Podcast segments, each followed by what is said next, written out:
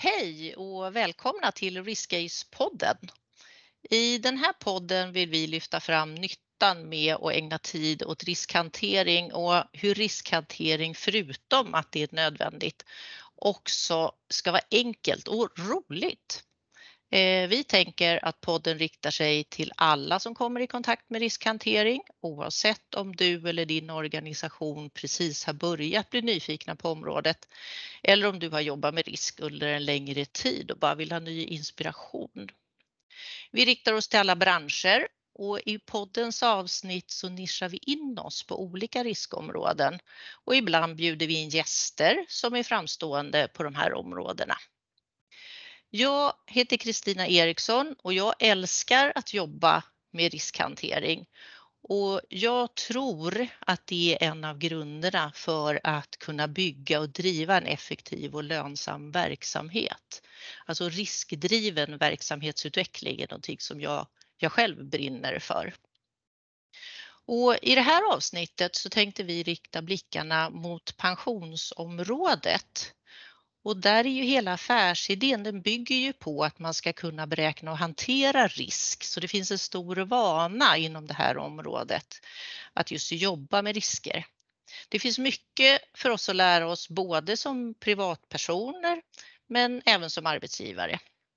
Så därför har jag bjudit in Helena Palmgren och Joakim Bär som driver företaget Palmgren och Bär. Välkomna hit! Ja, men. Stort tack! Jätteroligt! Vad kul att ni är här. Vilka är ni och vad är grunden till att ni startade Palmgren och Bär? Ja, om vi börjar där så får man väl säga att målbilden för oss båda under väldigt många år har varit att kunna vara med och påverka och tycka någonting som har med allt kring pensioner att göra, men framförallt då kanske tjänstepension i synnerhet. Då. Eh, och med det så kommer man i kontakt med många tagare av det här. Det är arbetsgivare med alla dess medarbetare såklart, men också branschen. Och eh, Palmgren och Bär, det konsultbolaget, det blev väl plattformen för oss att kunna förverkliga just den här ambitionen att kunna vara med och påverka saker och ting i rätt riktning. Och eh, efter att vi båda hade varit på leverantörssidan i sådär 20 år drygt så kände vi väl att det var dags för, för ett annat perspektiv och med det hade vi hunnit vara med och, och byggt två stycken livbolag, både Nordnet Pension och Brummen Life. Två bolag som gick i bräschen för många frågor så att säga och påverkade. Det i kombination med att vi har gjort oändligt många kundmöten där det finns en frustration för att eh, man inte kan få hjälp med pensionsfrågor på ett oberoende eh, sätt ledde fram till att eh, nej, men det här måste vara en, en grogrund där vi möter både kundernas vilja och eh, behov och eh, våra egna så att säga. Och det blev startskottet för Palmgren och Berg. Ja, vad roligt det här med frustrationen, det kan ju jag själv skriva under om eh, vad det gäller vissa delar av pensionsområdet, både när jag kanske har varit arbetsgivare, eh, suttit i den rollen, men också som privatperson. Men hur har det gått då? Ja, alltså så här, vi är väl otroligt ödmjuka och tacksamma. Vi har ju varit igång i drygt ett år och eh, med det så ska man väl lägga in då att vara en ny aktör. Eh, I mitt i brinnande pandemi så var vi såklart lite shaky. Hur skulle det här landa och hur skulle det gå? Men det känns summerat som att vi verkar ha prickat någonting. Eh, det som har tillkommit kanske det är att vi även har fått eh, förfrågningar och möjligheten att hjälpa branschen och det är väl det bästa sättet att kunna verka både störta branschen, leverantörerna men också kunderna. Då blir ju effekten desto större så att säga. Så att, eh, otroligt tacksamma och ödmjuka för det här året men vi, vi har fått en superhärlig start. Vad kul att höra, alltså stort, stort grattis och ni gör ju bra grejer eh, om man följer er tycker jag. Det är jätteroligt. Men om man tittar på pensionsbranschen i stort, vad är de viktiga trenderna eller finns det några särskilda händelser som påverkar både oss som privatpersoner och arbetsgivare just nu? Ja, men det finns ju definitivt ovanligt många faktorer har faktiskt prickat fläkten samtidigt brukar jag säga. Och jag har, för några år sedan brukade jag prata om den här omvälvande stormen som tonade upp sig inom försäkringssfären. Och jag vill mena att den stormen, den håller i sig än idag. Kanske att den har kulminerat något, men det pågår ett väldigt, väldigt intensivt arbete, både i branschen och bland arbetsgivarna som försöker både jobba in de här förändringarna men också stärka sina erbjudanden på väldigt positiva sätt. Tittar man lite vidare kring trender så är det ju att sparka in öppna dörrar, men digitalisering och en betydligt tydligare konsumentmakt, det är ju två väldigt starka omvärldstrender. Och de är också möjliggörare för att den här fortsättningen och utvecklingen ska, ska fortsätta, så den är otroligt positiv. Eh, ett annat område som kanske inte har setts alltid positivt, men som i grunden är det, det är att regelverken på riktigt har fått fäste i Sverige. Eh, och det har avsett både fondbolag, försäkringsbolag, hela professionen kring rådgivningen. Och här går trenderna från lagstiftaren verkligen inte att misstolka, utan det är transparens, det är stärkt kundskydd och det är minimering av eh, intressekonflikterna som har stått och står idag i fokus, vilket är bra och väldigt välkommet. Men det är inte slut där, utan dessutom har vi faktiskt under innevarande år fått till en flytträtt av pension värd namnet efter väldigt många års arbete. Och den i sig har lett till att vi ser mycket mer rörlighet i pensionskapitalet, kapital som tidigare har varit inlåst. Men vi ser också möjlighet för kunderna att påverka på nya sätt. Och framförallt har det gett utrymme för konkurrens och nya aktörer. Massa spännande nya aktörer, sparplattformar med enormt höga ambitioner och som egentligen bara har en tydlig målbild om att förbättra förutsättningarna för kund och göra det på en, en modern och öppen teknik. Så här är ju möjligheterna oändliga framåt. Men kanske den, den starkaste trenden, den tror jag hänger ihop med konsumentmakt och det är att det allmänna intresset för sparande har gått upp väldigt, väldigt mycket på senaste tiden. Det ställer i sin tur än högre krav på bransch och aktörer, både till utbud, jämförelsemöjligheter. Det här vi tidigare pratat så länge om att snart, någon gång fram i framtiden, då kommer kunden ställa andra krav och förstå. Vi vill ju mena att vi är där idag. Och inte minst i takt med att den alltmer högljudda allmänna pensionsdebatten har tagit mycket plats. Men också att vi har en yngre generation som nu kliver in i arbetsplatserna med helt nya förväntningar och krav. Det där tycker jag är intressant att man har lyckats få de yngre intresserade av pensionsområdet. Jag har länge sagt att kan man lära ungar att sopsortera när de är fyra år så borde man kunna lära dem någonting även om pensioner. Eh, och det känns ju som att det liksom kanske är på gång. Då. Men, men vad har de för förväntningar? De yngre? Ja, det är en jättebra fråga och det är ju verkligen så. Sopsortera har ju de gjort naturligt sedan alltid. Och lite på samma sak ser vi att de yngre generationerna som kliver in i bland annat arbetslivet nu, de har en helt annan vana och liksom förförståelse för att både ta sig till ny information men också är väl insatta i att de har en egen del i sitt framtida leverne och pension. Eh, och de är noga med sin frihet och de är noga med sin flexibilitet. Och framförallt så upplever vi att de vill påverka. De sätter en stolthet i att, att påverka vår samhällsinriktning. Eh, de vill att det ska göras via goda kundupplevelser och inte minst genom hållbara placeringsalternativ som de håller enormt högt. Vi ser att upp till 95 procent av den yngre generationen idag kan tänka sig att aktivera sitt pensionssparande om det bara avser mer hållbara investeringar. Så det här tycker jag är super, super intressant och den här frågan, vem som kommer attrahera den här nya målgruppen över tid är superviktig och väldigt, väldigt stor.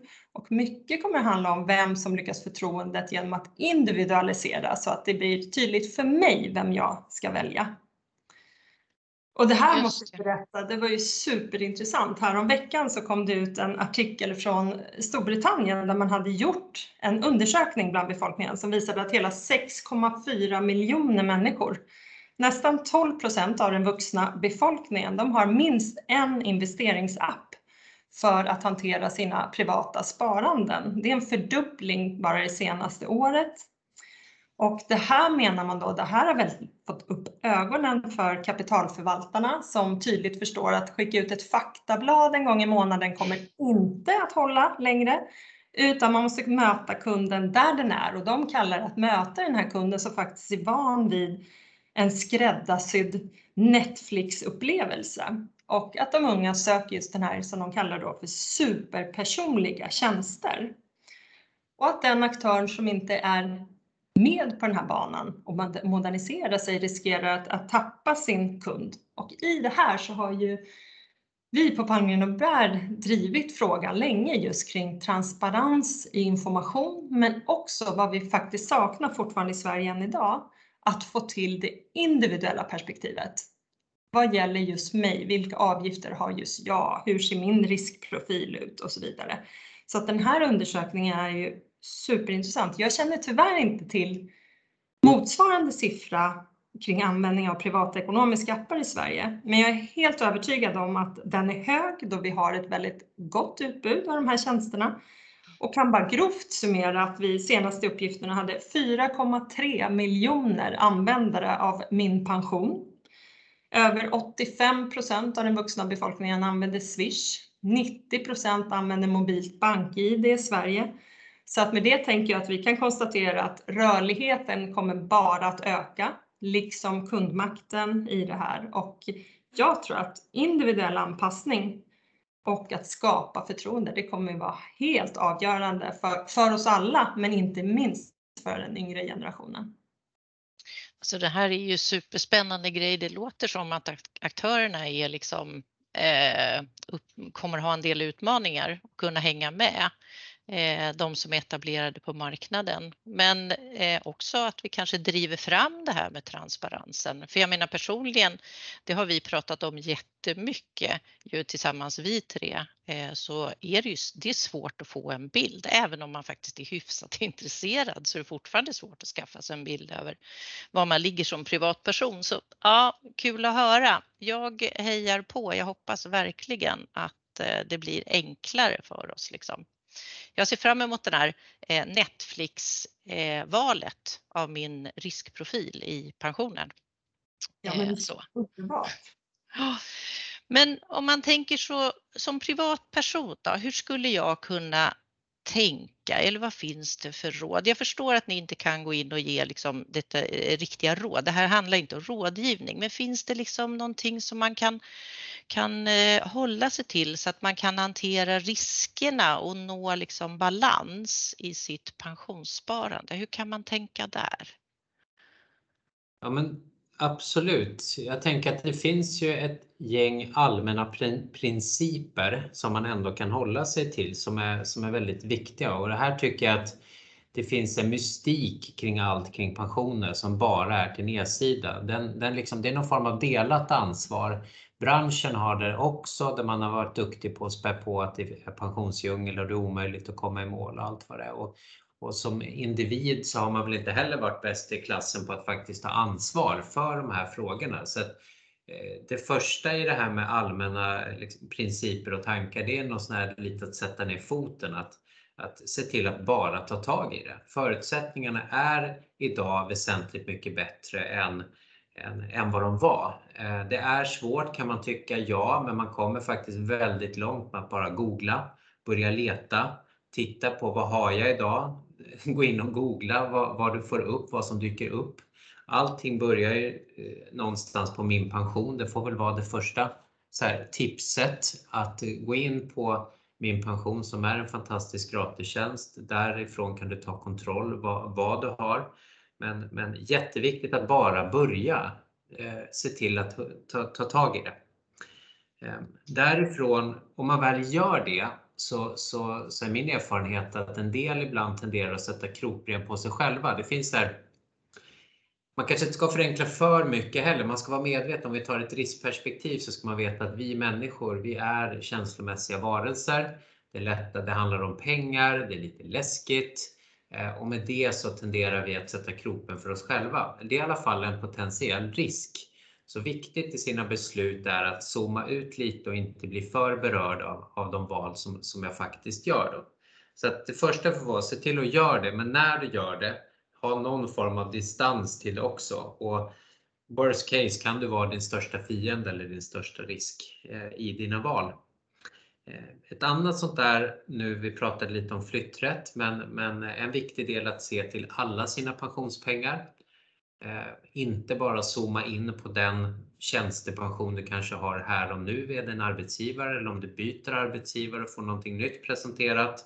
Att du lägger allt fokus på den, utan har du varit igång ett, ett gäng år och jobbat, se till att få med dig historiken också. Jätteviktigt. Så se det som en samlad påse pengar när, för den del när det, när det handlar om eh, tjänstepensionen och pengarna. Sen så finns det ju såklart hjälp och stöd och råd att få. Eh, jag tror att det är jätteviktigt att, att eh, vara påläst själv. Det finns såklart rådgivare. Rådgivning är värdefullt. Men, men i där du möter försäkringsbolaget eller banken eller rådgivare på din arbetsplats. Se till att vara påläst. Använd rådgivaren som en speaking partner ett bollplank men gör din egen hemläxa. Det är jätteviktigt. Då, då finns det ännu bättre förutsättningar för att de där råden ska, ska bli på bästa sätt. Då.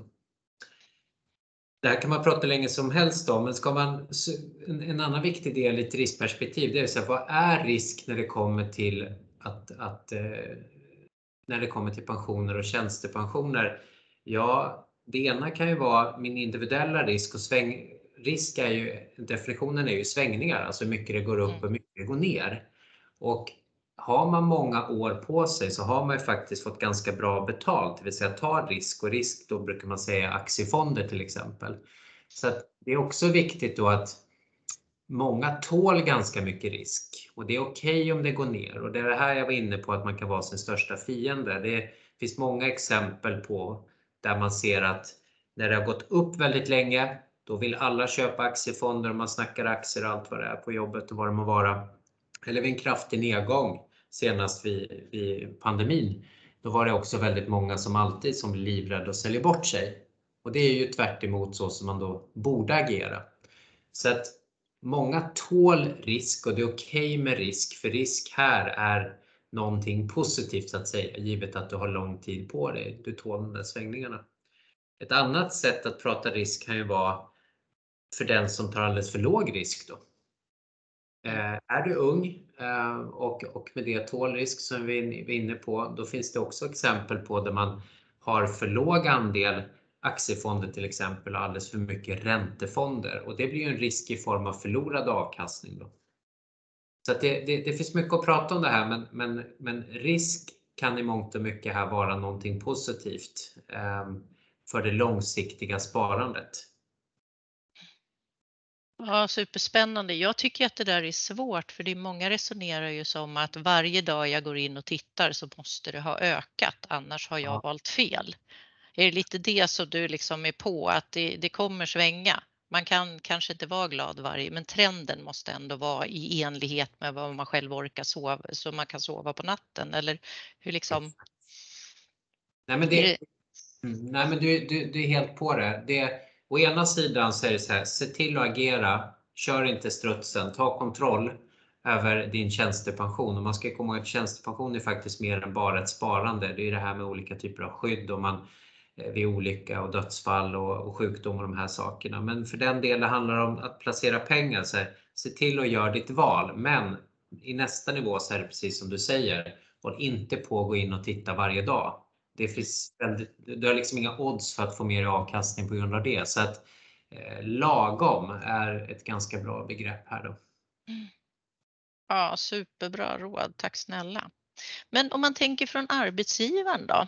Vad finns det för risker där på pensionsområdet och vad finns det för råd till, till en arbetsgivare?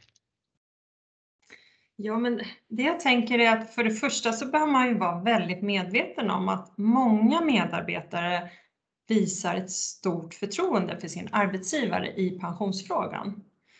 Och det är ju en tillit som bara i sig förpliktigar och ställer krav på arbetsgivaren och det man erbjuder, egentligen hela sin förmånspalett och anställningstrygghet. Och inom ramen för det här när det gäller tjänstepension så tänker jag att det finns ganska många risker, men jag tänker, jag tänker närmast på tre. Det ena och kanske en av de vanligaste, det är ju risken för okunskap. Och det kan också vara kopplat till risk för ett uteblivet engagemang eller ett ord som vi använder mycket inom pensionsvärlden och det är ju risken för passivitet.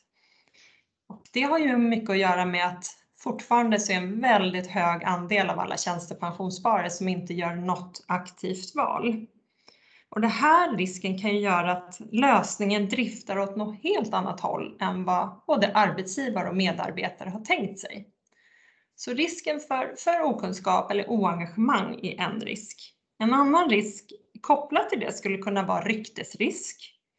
Eh, och det skulle vara något som direkt som en effekt av missnöjda medarbetare eller missnöje med ett avtal som kanske inte har gynnat eller än värre direkt missgynnat medarbetarna. Och här handlar det ofta om en, ett missförstånd av vad som är aktiva val eller passiva val eller vilka fonder till exempel som, som erbjuds. Men en av de större riskerna som vi upplever att, att många arbetsgivare behöver jobba ganska mycket med, det är de operationella riskerna. Och det beror mycket på att pensionsprocessen idag är splittrad mellan väldigt många system. Den är fortfarande präglad av manuell hantering och inte sällan är det många aktörer påkopplat på ett företags försäkringslösningar. Vem ansvarar till exempel för en felinbetald premie eller en helt utebliven inbetalning? Eller en riskförsäkring som inte har tecknat i tid och en skada har uppstått. Eh, I det här sammanhanget så, så, kräver det ju ganska mycket just i att både veta vad man går in i för avtal och hur man följer upp det. Och här brukar ju du Joakim, du brukar prata en hel del om att ordinära inköpsprocesser och att de kan gälla likväl för tjänstepension. Precis. Det, det är om man tar arbetsgivarperspektivet så upplever jag ibland att man har ett sätt att upphandla i princip alla andra tjänster, men när det kommer till pensioner då lite omyndigförklarar man sig själv om man får sticka ut hakan. Och med det så det, det liksom gör ingen skillnad, man behöver inte krångla till det. Och de bästa eh, situationer jag varit med i det är när man blandar de olika kompetenserna där man har den här kanske ifrågasättande och mer hårdnackade inköpschefen som finns med för att ställa de frågor som man ställer inför andra inköp. Så att inte samma här, krångla till det onödigt mycket, utan våga ställa frågorna, se till att du på riktigt förstår hur det hänger ihop, hur ser branschmekanismer och beroenden, intjäningsmodeller och så vidare, hur, hur, hur ser det ut, hur hänger det ihop liksom? Um, väl där, då har man ju bättre förutsättningar att kunna kravställa. Och samma sak är det också, tänker jag, viktigt att, att se det totala ansvaret. Ibland så fastnar man på de medarbetare om man har arbetsgivarperspektivet, de som är mest intresserade och de som skriker högst. Det är liksom de som man försöker eh, stilla då. Men, men det är väldigt viktigt, majoriteten loggar knappt inte ens in på, i de flesta fall och då är nyckeln någonstans att se helheten och hur ser vi till att göra det så bra som möjligt för de som är passiva här då inför sina val. Sen är det jätte, jätteviktigt ehm, att göra en skillnad på om man har kollektivavtal eller inte eller vad som är inom kollektivavtalet. För det gör ju också de olika avarterna eller riskerna skiljer sig ganska väsentligt åt. Och så har man ett kollektivavtal och ehm, delarna där inom är ju upphandlade och lite mer klara så att säga. Det handlar mer kanske om att skapa engagemang, men för individuella pensionslösningar, ja men där behöver arbetsgivare och medarbetare vara lite mer på tårna då och ta ett större ansvar tänker jag. Det här är ju superspännande och jag tänker, eh, kan det vara så eh, att det här med ryktesrisken som ni pratade om, eh, framsidan av ryktesrisken är väl att vara en attraktiv arbetsgivare eller liksom om man hanterar det väl? Eller hur funkar det där? Jag tänker med de här unga som är mer på tårna också och väljer. Har ni sett någon trend eller? Helt rätt spaning och, vi tror ju att det är därför som efterfrågan ut kring kompetens och utbildningsinsatser på det här området har växt så mycket. Att man börjar inse att det, det finns inte bara en nedsida, verkligen inte, utan det finns enormt stor uppsida med att vara både trygg och ha ett bra tjänstepensionspaket och att kommunicera det och, och skapa förståelse och precis som du säger attraktion kring det är större än någonsin. Ja, jättespännande. Ja men kul, tack snälla och jag tycker det här perspektivet är viktigt. Man tänker på sig själv som privatperson och där brottas man med de här frågorna med jämna mellanrum. Men även om man har ett arbetsgivaransvar. Jag tycker att man måste ta hand om och värna sina medarbetare och mycket som du sa Joakim, värda de som kanske inte gör val på samma sätt också. Eh, roligt. Så om man skulle sammanfatta då, har ni tre slutgiltiga råd till de som har lyssnat? Både kanske på privatsidan och för de som lyssnar som arbetsgivare? Mm. Om jag börjar lite kring privatpersonperspektivet så får jag summera ner det som jag hade en längre utläggning kring tidigare då. Men det får ju vara så här att se till att göra det. Se till att ta tag i det och läs på och ta kontroll på vad du har. Det börjar tycker jag på minpension.se, en fantastisk kostnadsfri oberoende tjänst där du får ett samlat grepp. Det är ganska skönt att starta där. Därifrån sen i råd nummer två eller tips skulle vara att gå in då och titta på vad har jag för någonting? Vad har jag för fonder totalt sett? Vad är det för avgifter? Vad är det för risknivå och så vidare? Ser helheten bra ut? Eh, och tre, kanske viktigast av allt, att lyfta blicken pensionspremier och sparande i all ära. Men eh, glöm såklart inte hälsa, livsbalans och allt det här andra som är det viktigaste i livet så att du får njuta av ett långt härligt liv eh, och de pensioner som man har kämpat ihop under hela arbetslivet. Jättebra tips. Tack snälla Joakim. Helena, tar du arbetsgivardelen? Ja, men det gör jag gärna. Eh, och, och summerar vi då lite det vi har pratat om så skulle man kunna säga att, att ur ett arbetsgivarperspektiv så är ju fortfarande upplevelsen så att pensionen är ganska krångligt, svårgenomträngligt. Det är svårt att värdera värdet av en pension idag inför morgondagen, både för individen och för företaget. Så jag tror att man måste liksom ta sig an knuten från, från början och ett sätt att skaffa sig en grund att stå på i det här som företagsledning eller ansvarig för tjänstepensionen det brukar vi kunna säga kan vara att, att ställa sig själv tre öppna frågor. Och då skulle jag fråga så här, hur väl lirar vår pensionspolicy och våra tjänstepensioner med våra värderingar? Man hör till exempel ofta om starka kulturer som präglas av transparens, hållbarhet och engagemang. Men hur möter de här ledorden era tjänstepensionsplaner? Är de transparenta? Är de hållbara? Och på vilket sätt uppmanar de er till engagemang? Det andra är hur väl och ofta lyfter ni era tjänstepensioner som faktiskt är en av de största investeringarna ni gör till förmån för era anställda. Pratar ni om förmåner med anställning? Gör ni årliga påminnelser? Använder ni den för att bibehålla talang eller vid lönesamtal till exempel? Det här är ju jättestora viktiga värden som annars riskerar att ligga i det fördolda och det kan med fördel lyftas. Och det tredje är, har ni tagit medvetna beslut kring era tjänstepensioner? Och om ja, hur följer ni upp att det blir som ni har tänkt er? Vad har varit viktigt för er som arbetsgivare? Vad är viktigast för era medarbetare? Har ni nått fram dit? Så jag skulle säga att det absolut bästa tipset att mota risk för arbetsgivare och då om vi betraktar de här riskerna för okunskap, risken för ryktesmissar eh, eller operationella risker, det är att stärka både arbetsgivare och medarbetarna idag och inför framtiden med det absolut främsta vapnet ni kan ge och det är kunskap. Ja, jättebra tips. Tack snälla. Så jag vill tacka för den här eh, intervjun eller den här diskussionen. Stort tack Helena och Joakim, klok input och för att ni ville vara med i våran podd. Eh, alla ni som har lyssnat, ni kommer enkelt kontakt med både Joakim och Helena på LinkedIn och även oss på, på Riskcase. Sök upp Helena och Joakim på Palmgren och Bär eller sök upp oss och tack snälla för att ni har lyssnat.